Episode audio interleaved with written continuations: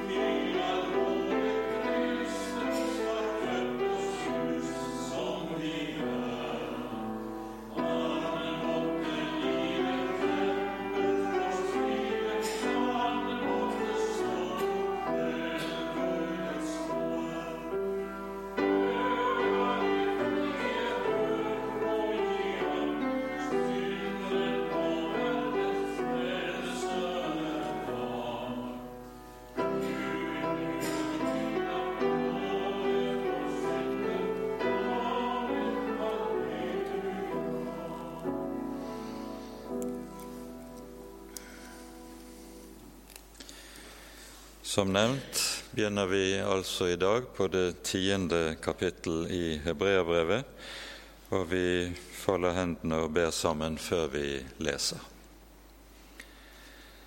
Så takker og lover vi deg, Herre vår Gud og vår Far, for budskapet om din elskede Sønn. I ham har du gitt en fullkommen soning og en fullkommen frelse til syndere Takk, Herre Jesus, at du var villig til å bære alle omkostninger ved vår frelse. Takk, Herre, at din frelse varer og står til evig tid. Nå ber vi, Herre, at du vil være hos oss med din gode Hellige Ånd. La oss få lov til å eie lys i ordet ditt, slik at vi må ha det vi trenger for å bli frelst, for å nå målet hjemme hos deg. Herre, forbarm deg over oss. Amen.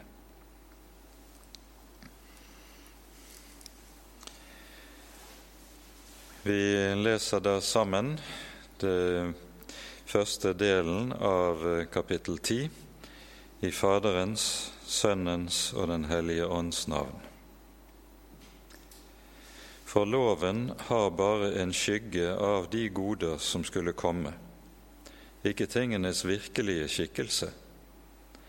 Derfor kan ikke loven ved de offer som hvert år blir båret fram, gjøre dem fullkomne som kommer frem med dem. Ellers hadde de jo sluttet med å ofre. For de som ofret, ville da ikke lenger ha synder på samvittigheten, etter at de en gang var blitt renset. Men ved ofrene kommer det hvert år en påminnelse om synder. For det er umulig at blod av okser og bukker kan bære bort synder. Derfor sier han når han trer inn i verden, offer og gave ville du ikke ha, men et legeme dannet du for meg Brennoffer og syndoffer hadde du ikke lyst til. Da sa jeg, Se, jeg kommer. I bokrullen er det skrevet om meg for å gjøre din vilje, Gud. Først sier han altså, Offer og gaver og brennoffer og syndoffer ville du ikke ha, og du hadde ikke lyst til det, enda disse blir båret frem etter loven. Deretter sier han, Se, jeg kommer for å gjøre din vilje. Han tar bort det første for å la det andre stå fast. Ved denne vilje er vi blitt helliget ved at Jesu Kristi legeme ble ofret en gang for alle. Og hver prest står daglig og gjør tjeneste og bærer mange ganger frem de samme offer, de som aldri kan bære bort synder. Men Jesus har båret frem ett eneste offer for synder, og har deretter for alltid satt seg ved Guds høyre hånd. Nå venter han bare på at hans fiender skal bli lagt til skammel for hans føtter. For med ett offer har Han for alltid gjort dem fullkomne som blir helliget. Det vitner også Den hellige ånd for oss, for etter at Han har sagt:" Dette er den pakt jeg vil opprette med dem etter disse dager. Så sier Herren, jeg vil gi mine lover i deres hjerter og skrive dem i deres sinn og deres synder og deres lovovertredelser vil jeg ikke lenger minnes. Men der det er forlatelse for synder, trengs ikke lenger noe offer for synd. Brødre, vi har altså i Jesu blod frimodighet til å gå inn i helligdommen. Til den har Han innviet for oss en ny og levende vei gjennom forhenget, det er hans kjød. Og vi har en stor prest over Guds hus. Så la oss da tre frem med sannferdig hjerte, i troens fulle visshet, med hjertet renset fra en ond samvittighet og legemet badet i rent vann. La oss holde urokkelig fast ved bekjennelsen av vårt håp for han er trofast som ga løftet. Vi stanser der i kveld, og så blir det resten av kapittelet som blir tema for oss på neste gang vi samles her i kirken. Avsnittet vi har lest, slutter altså med ordene 'Så la oss da tre frem med sannferdige hjerter og i troens fulle visshet'. Disse ordene minner om eh, det vi hører i avslutningen av det fjerde kapitlet, der det sies da vi nå har så stor en ypperste prest som er gått gjennom himlene, Jesus, Guds sønn, så la oss holde fast ved bekjennelsen. For vi har ikke en ypperste prest som ikke kan ha medlidenhet med oss i vår skrøpelighet, men en som er prøvet i alt, i likhet med oss, men uten synd. La oss derfor med frimodighet tre frem for nådens trone.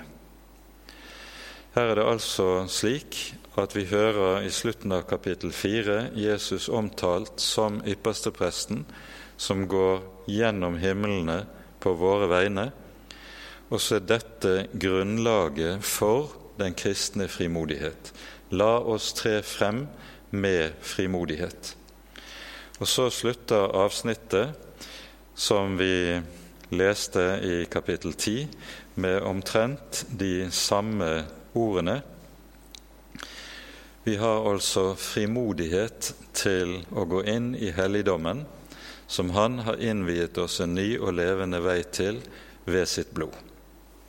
Poenget er at disse to ordene som svarer så meget til hverandre, de innrammer det avsnittet som ligger imellom, der det utlegges for oss hva det vil si at Jesus er vår øverste prest, og hva soningen innebærer.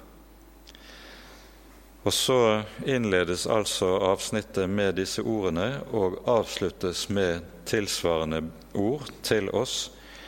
Og så vil fortsettelsen av dette ikke mer beskjeftige seg med Jesu ypperste prestelige gjerning, men primært med hva troen på ham som vår ypperste prest og forsoner innebærer.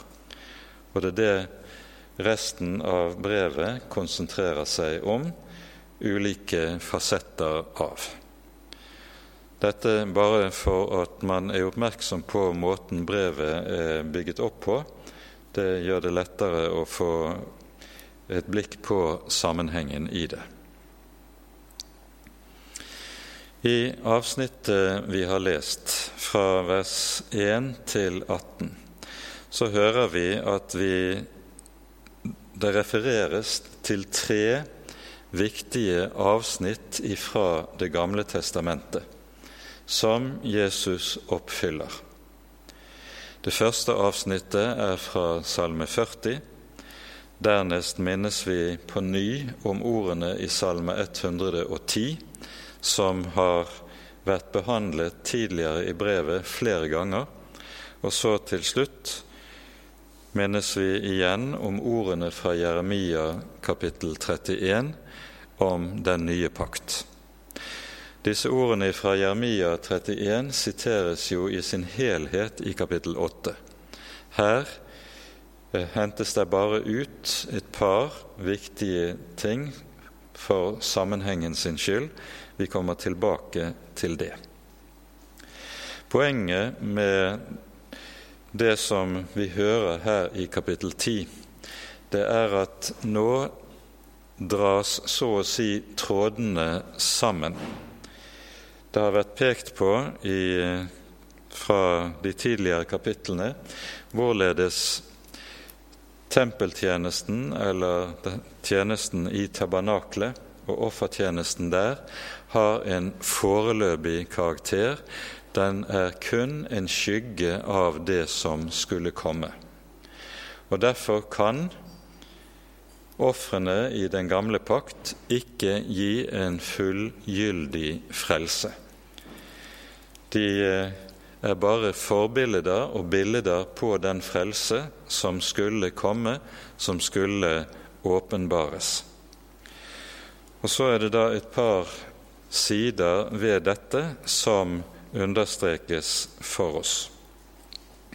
Først hører vi i de fire versene hvorledes dette at ofrene stadig gjentas, er noe som peker på med stor tydelighet at nettopp det at de stadig gjentas, det peker på ofrenes foreløpige karakter.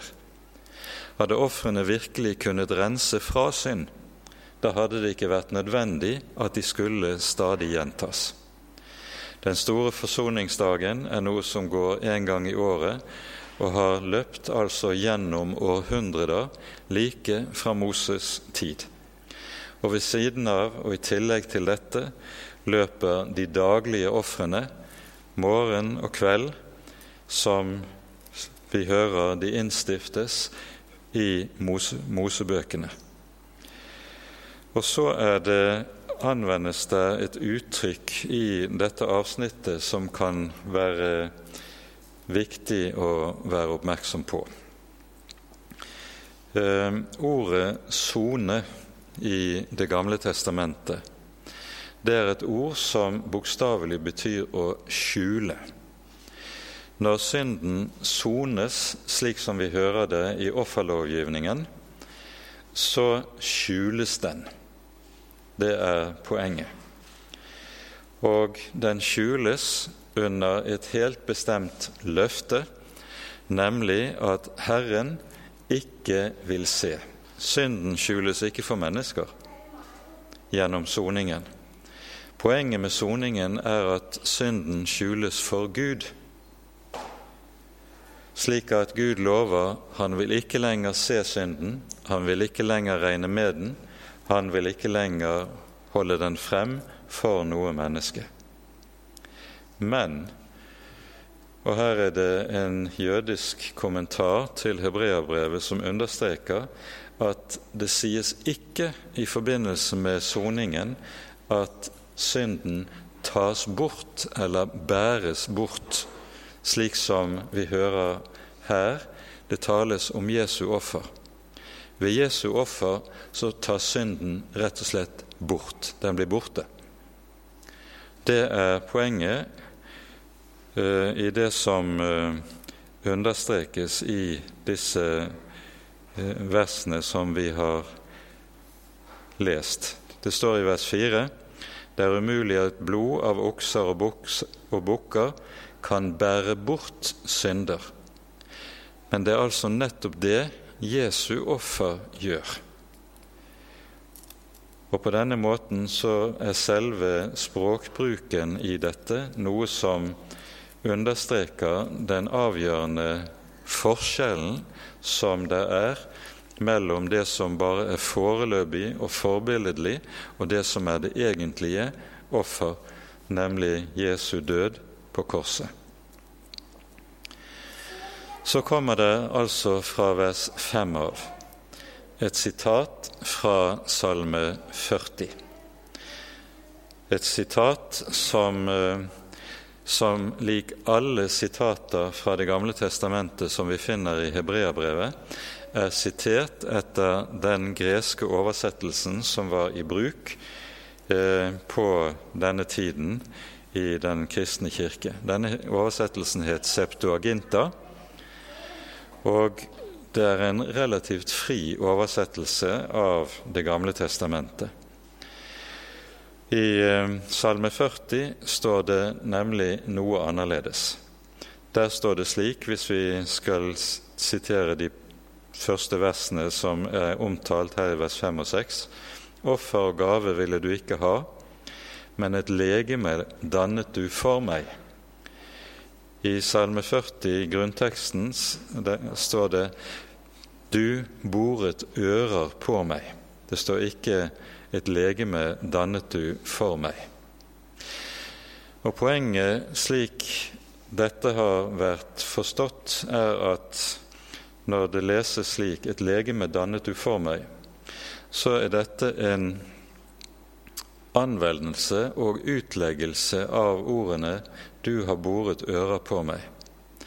For når det bores ører, du får et åpent øre, så er det tale om at dette er bildet på lydighet. Og denne lydighet som det her er tale om, den bokstavelige, legemlige lydighet mot Gud, er det Jesus underkaster seg når han gir sitt liv på korset. Og Nettopp dette poenget er det altså som understrekes her ved denne oversettelsen som eh, anvendes av hebreabrevet. Det er mange kristne som har undret seg over at du en rekke steder i Det gamle testamentet hører sagt de samme ordene som vi her har lest, at Herren sier at han ikke har sin lyst verken i offer, brennoffer, slakteoffer eller andre gaver. Hvorfor sies dette og lyder dette i Det gamle testamentet? Det er to grunner til det. For det første er det slik at i hedenskapet så var det jo sånn at en også hadde alle håndeofringer. Alle hedenske religioner i datiden hadde offer i sine templer og på sine altere.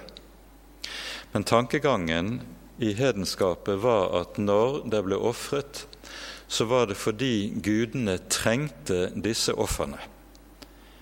De gudene var avhengig av den offertjenesten som menneskene kunne yte dem.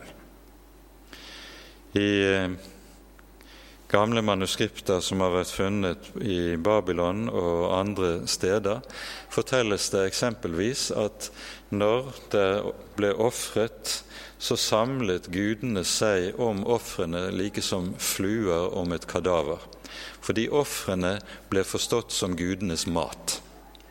Ved å ofre så matet de ofrende gudene. Og hvis menneskene ikke passet på å være nøye med å ofre, så ville gudene hevne seg på dem. Poenget i dette er altså at gudene trengte offer. Og Denne måten å tenke på om offer og offertjeneste kom inn i Israel og i det jødiske folk.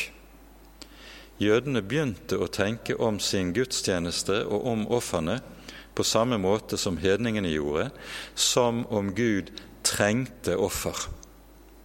Hele denne tenkningen gjøres det grunnlegg på grunnleggende vis opp med i Davids salme 50 en salme som er uhyre betydningsfull i denne sammenheng. Men Israels Gud er annerledes.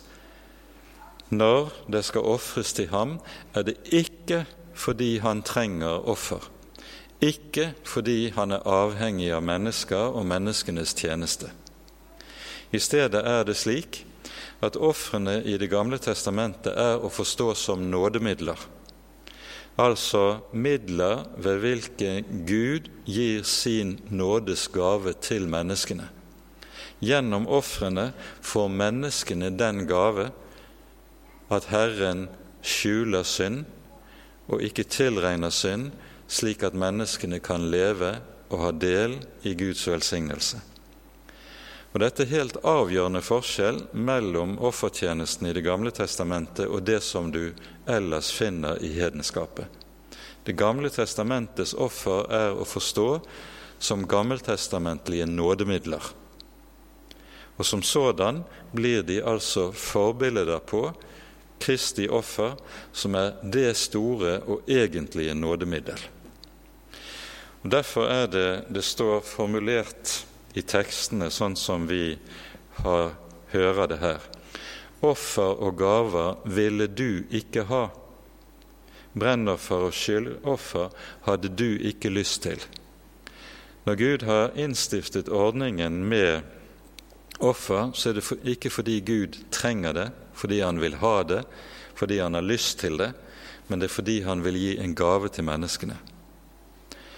Og Dette er årsaken til at det er formulert sånn som det er, slik vi hører det her fra Salme 40, og finner det i en rekke ulike sammenhenger hos profetene også. Og nettopp som sådan er det altså at ofrene kommer som en, et nådemiddel, som forbilde. Og så er det da Messias sier, slik som vi hører i vers 7. Se, jeg kommer. I bokrullen er det skrevet om meg for å gjøre din vilje, Gud. Og her er poenget at med denne, e, dette ene verset så er Kristi gjerning samlet i én en enkel og kort sum. Når vi leste lidelseshistorien på langfredag gjennom Matteusevangeliet, så vil de fleste antagelig ha lagt merke til at det gang på gang i lidelseshistorien understrekes at dette skjedde for at det skulle oppfylles som står skrevet sånn og sånn. Det gjentas en rekke ganger. Og hele poenget er at lidelseshistorien på denne måten understreker det helt avgjørende i Kristi gjerning, at han kom for å oppfylle løftene i Det gamle testamentet. I bokrullen er det skrevet om meg. Å gjøre din vilje, Gud, er min lyst. Å gjøre din, vilje, din lov er innskrevet i mitt hjerte. Jesus sier selv i et programord når det gjelder hans gjerning i bergprekenen, dere må ikke tro at jeg er kommet for å oppheve loven og profetene. Jeg er ikke kommet for å oppheve, men for å oppfylle. Hele Jesu gjerning kan sammenfattes i dette at han oppfyller det som står skrevet. Og ingenting i Jesu gjerning kan ses løsrevet fra Det gamle testamentet. Alt springer ut av og er oppfyllelse av Guds løfter i Det gamle testamentet. Og Dette sammenfattes da her i eh, det vi har lest.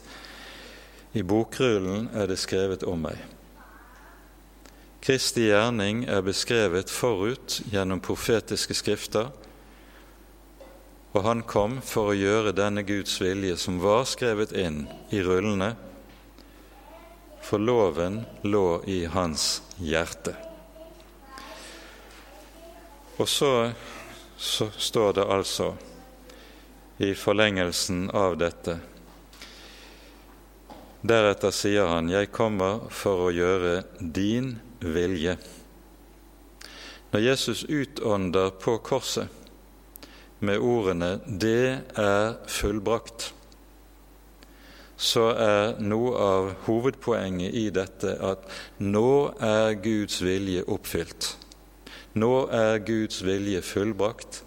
Nå er alt det som står skrevet, oppfylt. Her kunne det passende siteres fra avsluttende ord i Josva-boken, når det taler om hvorledes Israels folk har fått komme inn i det lovede land, og Herren har oppfylt sine løfter for Israels folk når de har tatt landet i eie. Her sies det til slutt i kapittel 21 i Josvas bok ikke ett ord slo feil av alle de gode ord Herren hadde talt til Israels hus. De ble oppfylt alle sammen. Det er nettopp det som skjer på korset, og det er det som kort sammenfattes med det vi hører i dette. Se, jeg kommer for å gjøre din vilje. Han har oppfylt Guds vilje slik den sto skrevet. Intet ord er falt til jorden, intet ord er blitt til intet. Alt er oppfylt. Og så hører vi i det tiende verset konsekvensen eller frukten av dette ved denne vilje, nemlig ved at Jesus har oppfylt Guds vilje. Ved denne vilje er vi blitt helliget ved at Jesu Kristi legeme ble ofret én gang for alle. Og legg merke til at her er det altså Jesus som oppfyller Guds vilje, og det er ved Guds vilje vi blir helliget ved at Jesus oppfyller Guds vilje. Vi blir altså ikke helliget ved noen viljesakt fra vår egen side, ved at vi bestemmer oss for at nå skal det bli skikk på min helliggjørelse og på min kristendom. En slik viljesakt helliger oss ikke, for det er loven. Det som helliger et menneske, det er budskapet i evangeliet om hva Jesus har gjort for vår skyld. Det er det som helliger oss. Ved denne vilje, ved Guds vilje, er vi helliget ved at Jesu Kristi legeme ble ofret én gang for alle. Det er dette som understrekes i innledningen til Johannesevangeliet, der det sies alle dem som tok imot ham, dem ga han rett til å bli Guds barn. Og så står det de er født ikke av blod, ikke av manns vilje, ikke av kjød, men av Gud. Det understrekes altså ikke av manns vilje, men av Gud. Og det er denne Guds vilje som helliger oss i og med evangeliet der evangeliet får rom i hjertet, der budskapet om Jesus får rom i hjertet, der helliges et menneske. Og så sies det 'vi er blitt helliget'. Her tales det i perfektum form. Det tales ikke i futurumform.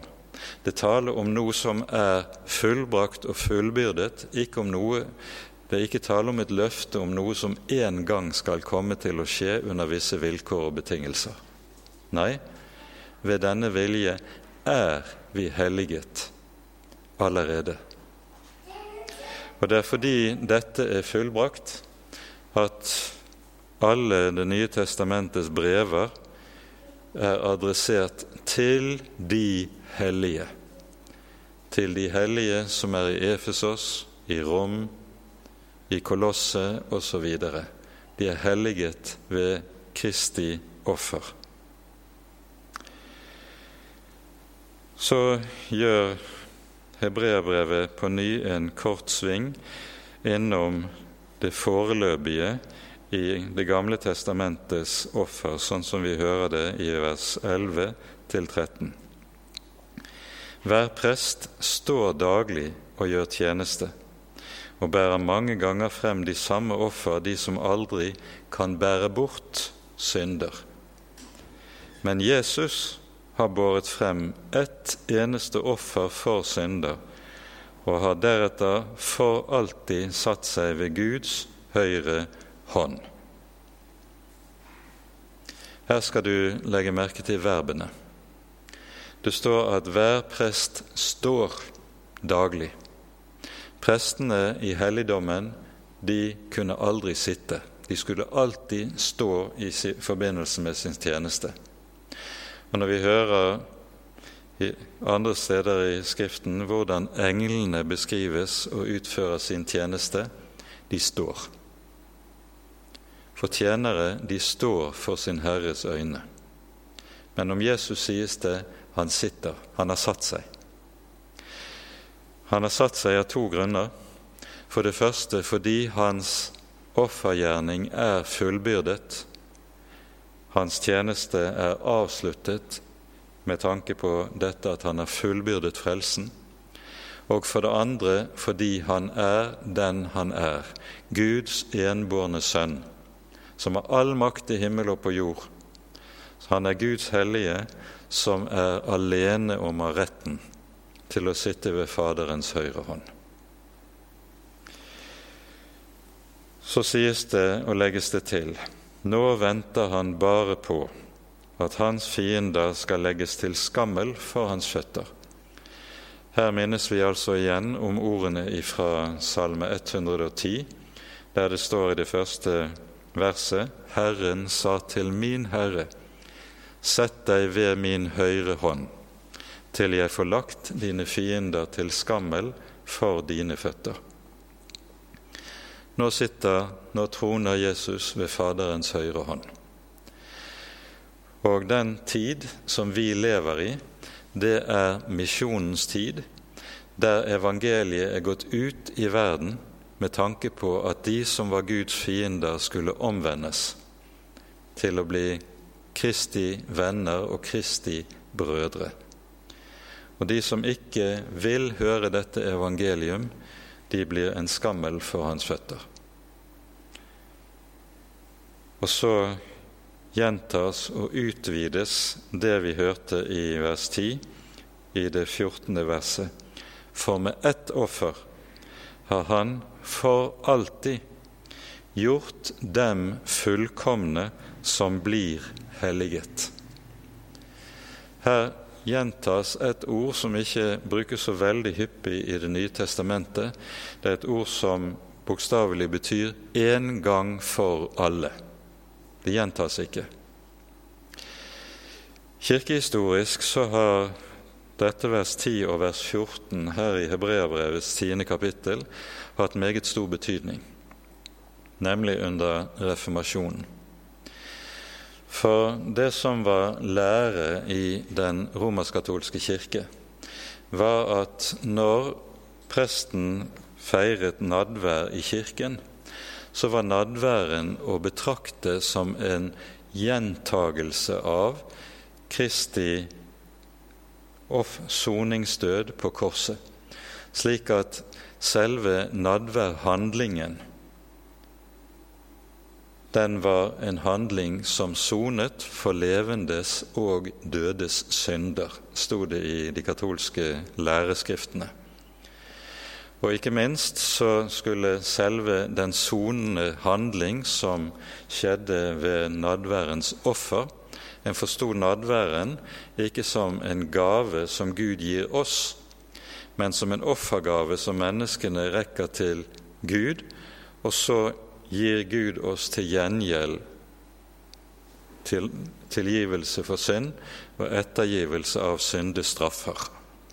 Dette var teologien i Romerkirken som det gjøres opp med under reformasjonen. Og Når Luther taler om dette, så viser han stadig til disse ordene i Hebreabrevets tiende kapittel. Jesus døde en gang for alle for våre synder. Sonofferet skal ikke gjentas, og det trenger ikke å gjentas, for det er gjort til fullkommenhet. Og Luther hevder med stor styrke at det å bringe noe annet frem som skal gjøre soning i tillegg til offer, det er vanære Kristus ved å si at det Jesus gjorde på korset, ikke er nok. Men hele poenget med det som sies og forkynnes for oss i budskapet om Jesu død som sonoffer, Jesu gjerning som ypperste prest, er at dette skjer én gang for alle. Det er et offer som er fullkomment, og derfor er også er tilstrekkelig til å sone for all synd. Det trengs ikke mer noe offer i tillegg til dette. En gang for alle, det er nok. Og så bruker hebreerbrevets forfatter et meget sterkt ord. Det sies for med ett offer har han for alltid gjort dem fullkomne som blir helliget. Og her må vi peke på den dobbelthet som kjennetegner et kristent menneske. Paulus omtaler denne dobbelthet i eh, Filippabrevets tredje kapittel. Her skriver Paulus om sin egen kamp, eh, hvorledes han er gjort til ett med Herren Jesus i hans død og oppstandelse, og så lyder det fra vers 12.: Ikke så at jeg allerede har nådd dette, eller allerede er fullkommen, men jeg jager etter det for å kunne gripe det, fordi jeg selv er grepet av Kristus. Brødre, fortsetter han, jeg mener ikke om meg selv at jeg har grepet det, men ett gjør jeg jeg glemmer det som ligger bak, og strekker meg ut etter det som er foran, og jager mot målet. Til den seierspris Gud har kalt oss til der ovenfra, i Kristus Jesus. La oss da, så mange som er fullkomne, ha dette sinn. Legg merke til her, i vers 15 sier Paulus, så mange som er fullkomne. Vi er fullkomne. Og så sier han altså i vers 12 ikke at jeg allerede er fullkommen. Med dette setter Paulus fingeren nettopp på den dobbelthet som et kristent menneske lever i. I Kristus er jeg fullkommen. I Kristus er jeg hellig. I Kristus er jeg syndfri. I Jesu blod står jeg for Gud som om jeg aldri noen gang hadde syndet, men var fullkommen rettferdig fra fødsel til grav. I Kristus er jeg fullkommen. Men i meg selv, i meg selv bærer jeg fortsatt synden og det gamle mennesket med meg. Og så lever et kristent menneske i denne spenningen mellom hva han er i seg selv, og hva han er i Kristus. Fullkommen i Kristus, i seg selv det motsatte. Og det er denne spenningen mellom disse to Paulus beskriver slik vi hører det i, i Filippabrevet. Her, det vi hører i det 14. verset i Hebreane 10, det er en beskrivelse av hva en kristen er og eier i Kristus. Med ett offer har han for alltid gjort dem fullkomne som blir helliget. Og vi legger også merke til den grammatiske tiden i dette verset. Også her er det tale om en perfektumform, og perfektumformen beskriver det som er fullbrakt, det som er fullbyrdet, det som ligger ferdig. Så fortsetter brevet med å minne om ordene ifra profeten Jeremias 31. kapittel, der det taler om den nye pakt. Dette vitner også Den hellige om for oss. For etter at han har sagt 'Dette er den pakt jeg vil opprette med dem etter disse dager', så sier Herren, 'Jeg vil gi min lov i deres hjerter og skrive dem i deres sinn'. Med det så beskriver profeten Jeremia hva det er som skjer når et menneske blir født på ny, når Gud skaper det nye mennesket som er i Kristus. Det gamle mennesket, det hater Guds hellige lov. Det nye mennesket har det med seg at det elsker Guds hellige lov. For Gud har, når det gjelder det nye mennesket, nettopp skrevet loven inn i hjerte og sinn. Og Derfor er det et kjennetegn på levende kristendom at en som er en rett kristen, han elsker Guds lov. Han vil så gjerne leve etter Guds vilje. Jeg har lyst til Guds lov etter mitt innvortes menneske, skriver Paulus i Romerbrevets syvende kapittel. Og Nettopp dette er en beskrivelse av det nye mennesket, det nye menneskets sinn så kjenner vi også en annen lov i våre lemmer som er styrt av det gamle mennesket. Og det gamle mennesket bærer i seg en motstand mot Guds hellige lov. Men det nye mennesket er altså kjennetegnet ved dette. Det vil så gjerne leve etter Guds vilje. Det elsker Guds hellige vilje og sørger over seg selv når det kommer til å handle i strid med Guds hellige vilje.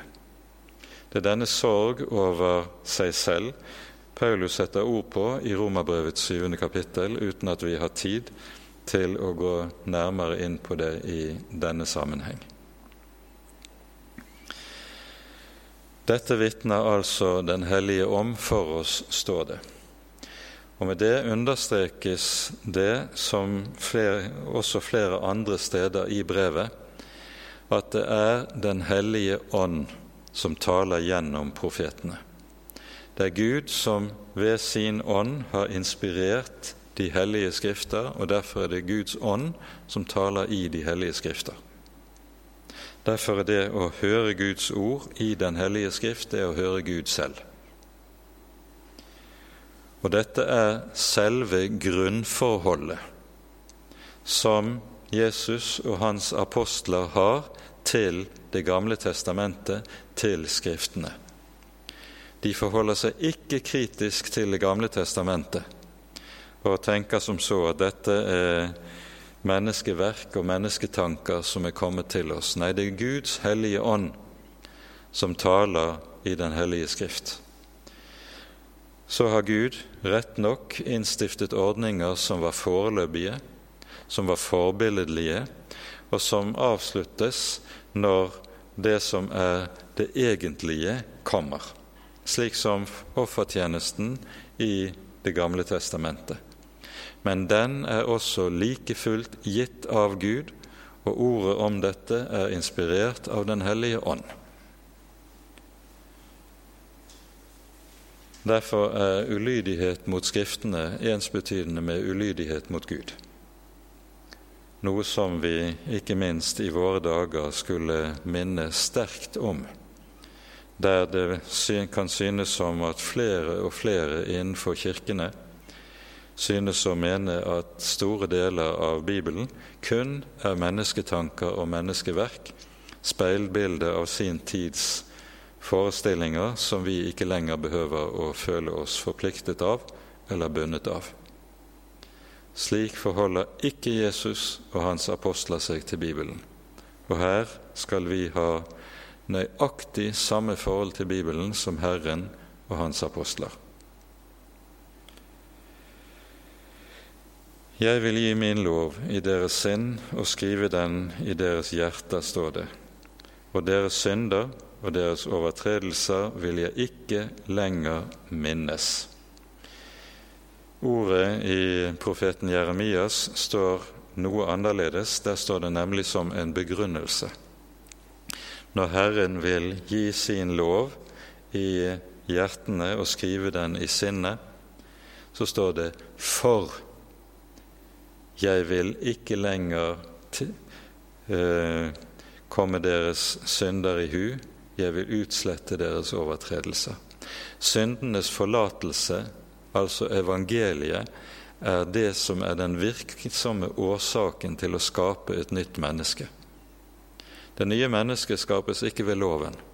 Det nye mennesket skapes ved evangeliet. Og så avsluttes avsnittet altså med ordene der det er forlatelse for synder, trengs ikke lenger noe offer for synd. Og så trekkes konklusjonen. Brødre, vi har altså på dette grunnlag i Jesu blod frimodighet til å gå inn i helligdommen. Til den har Han innviet for oss en ny og levende vei gjennom forhenget og Når dette sies, så har antagelig hebreerbrevets forfatter det i tanke som skjedde i forbindelse med Jesu død. Både Matteus, Markus og Lukas beretter om at idet Jesus dør på Golgata, så revner forhenget inn til det aller helligste i tempelet. Og det står uttrykkelig at det revner fra øverst til nederst. Det er som om det er en som står oppe og river det i stykker og river det fra hverandre. Den åndelige betydningen i dette får vi lys over når vi er klar over hva som var avbildet på forhenget.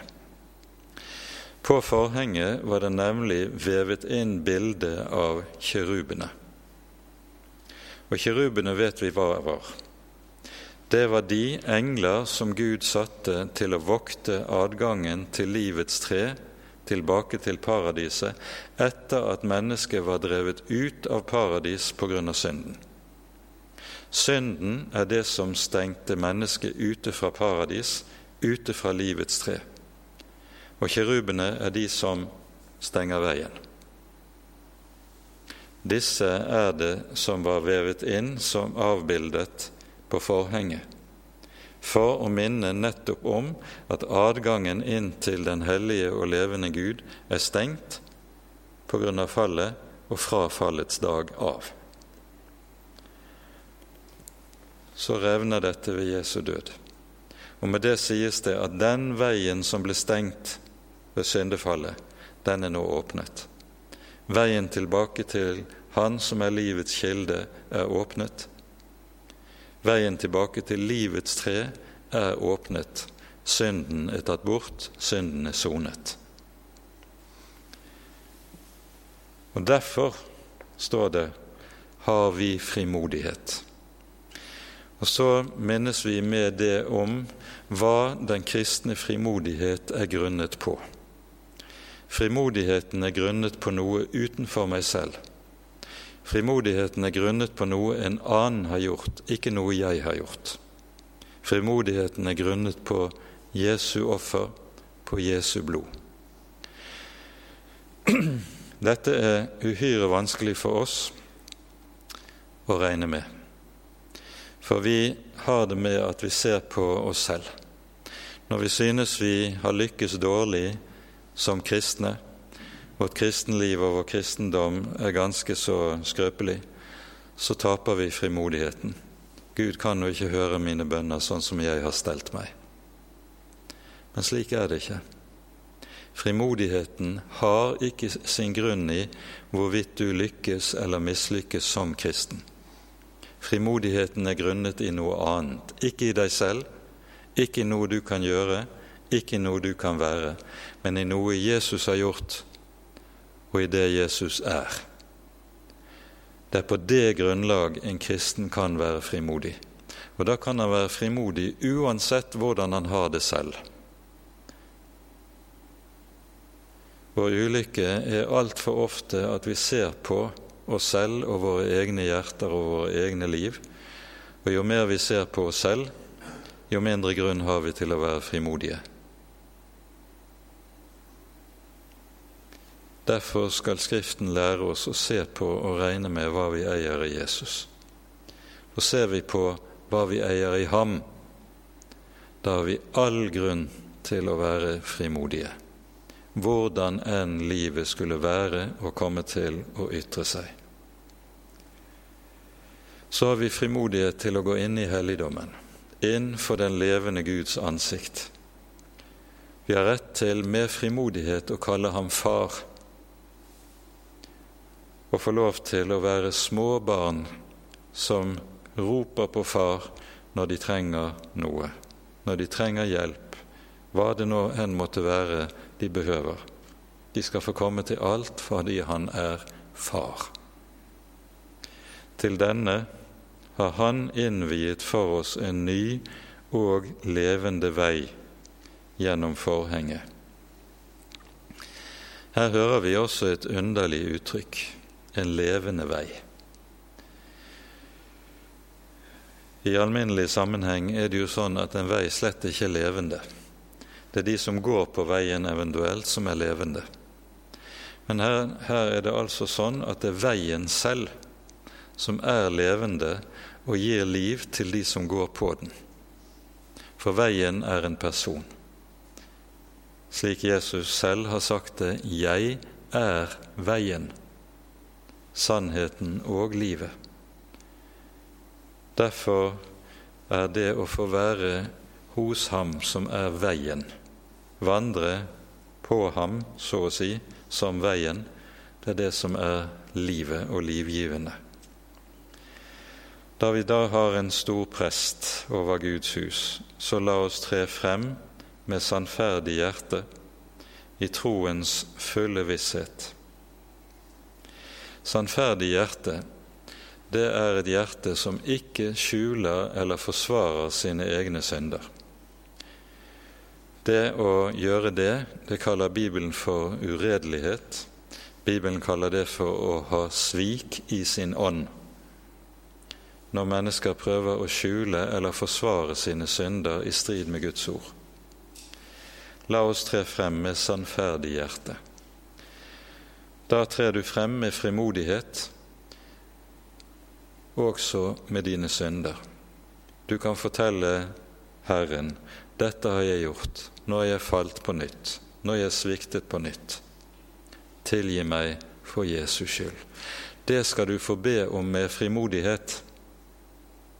For han har lovet at hva vi enn måtte komme til ham med av synder, det er sonet, det er båret. Han vil ikke tilregne deg det. Han har tatt det bort. Så la oss tre frem med sannferdig hjerte. I det ligger det en veldig gave. Du skal få lov til å komme med alt og vite at uansett hvor stygt det er som du kommer til han med, han vil ikke forkaste deg. Han vil ikke vise deg bort fordi det er sonet. Kommer du til Jesus med dine synder, da er du velkommen. Kommer du til Jesus med dine synder, da skal du vite du passer sammen med Jesus. For det er nettopp til slike han er kommet. Så la oss tre frem med Sandru-hjerte og i troens fulle visshet. Troens visshet det er betegnelse på det vi kaller for frelsesvisshet. Og så skal vi være klar over at frelsesvisshet i Bibelen det er det stikk motsatte av selvsikkerhet. Når eh, Romerkirken protesterer heftig mot reformasjonens evangelieforkynnelse, så er et av de sentrale punktene som en Romerkirken ville gjøre opp med, det var læren og budskapet om frelsesvisshet. Et menneske skal ikke ha visshet om sin frelse. Det skal tvert om være usikker og redd og engstelig, fordi eh, denne engstelsen vil spore et menneske til å ta det alvorlig med sin helliggjørelse og sine gode gjerninger.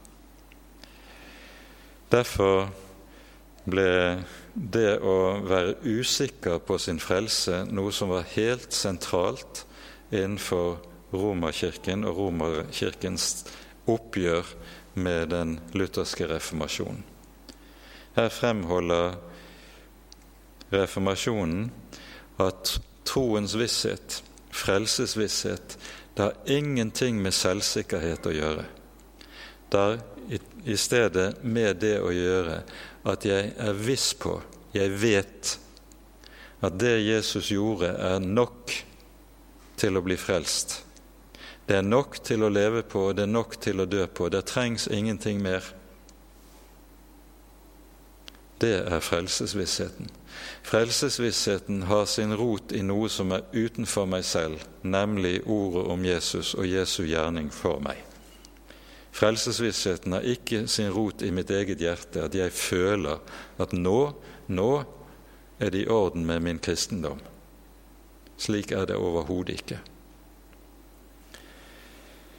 Det er underlig å tenke på at denne lære om uvisshet i frelsens sak, den er nøyaktig den samme som du finner hos fariseerne på Jesu tid. I, etter Jerusalems ødeleggelse i år 70 så drar de overlevende rabbinere til en liten by ute ved kysten av Middelhavet som heter Jamne.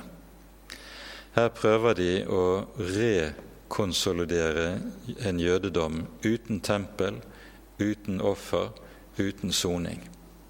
De har forkastet Jesus, og i en av bønnene som lyder i synagogen, og som ble innført som fast bønn eh, nettopp av disse rabbinere, så ble det sagt uttalt en forbannelse over de som var vranglærere, dvs. Si trodde på Jesus. Lederen for de som gruppen av lærde som samlet seg i Jamne, han het Johanan ben Sakai. Når han ligger på dødsleiet, så ber han en hjertegripende bønn og sier følgende:" Nå føres jeg frem for den høyeste, kongenes konge, den hellige. Velsignet være Han som lever og blir for evig. Hvis han er vred på meg, forblir han vred for evig. Om han setter meg i fangehullet, må jeg være der for evig. Om han døder meg, da døder han meg for evig. Ikke kan jeg forhandle med ham med ord, ei heller bestikke ham med penger. Enn mer, det ligger to veier foran meg. En leder til paradis, den annen til helvete. Og jeg vet ikke hvilken vei jeg vil bli tatt. Hvordan kan jeg annet enn å gråte i møte med min død? Slik er det når et menneske ikke eier soning og forlatelse for sine synder. Da har det ingenting å møte døden med, annet enn angst, angst for dommen, angst for dommeren. Det er denne angst og uvisshet som Jesu død og Jesu sonoffer tar bort fra oss, for at den dagen du og jeg skal møte vår Skaper, og alt som har vært i vårt liv, skal ligge åpent og bart som varer på en disk, så behøver jeg ikke å være redd, fordi jeg skal vite Jesus har gjort opp for det alt sammen. Det er ingenting som, som ligger imellom Gud og meg. Jeg kan møte min skaper med frimodighet. For den frimodighet som det her er tale om, det er en frimodighet som ikke bare gjelder i lønnkammeret når du folder dine hender og skal frem for Gud i bønn. Det er en frimodighet som varer like inn til dommens dag. Det er for Jesus skyld vi kan ha håp i møte med døden og med dommen. For hans frelse er en fullkommen frelse. Med ett offer har han for alltid gjort dem fullkomne som blir helliget. Det gjelder for deg og for meg. Amen. Ære være Faderen og Sønnen og Den hellige ånd, som var og er og være skal, en sann Gud, høylovet i evighet. Amen.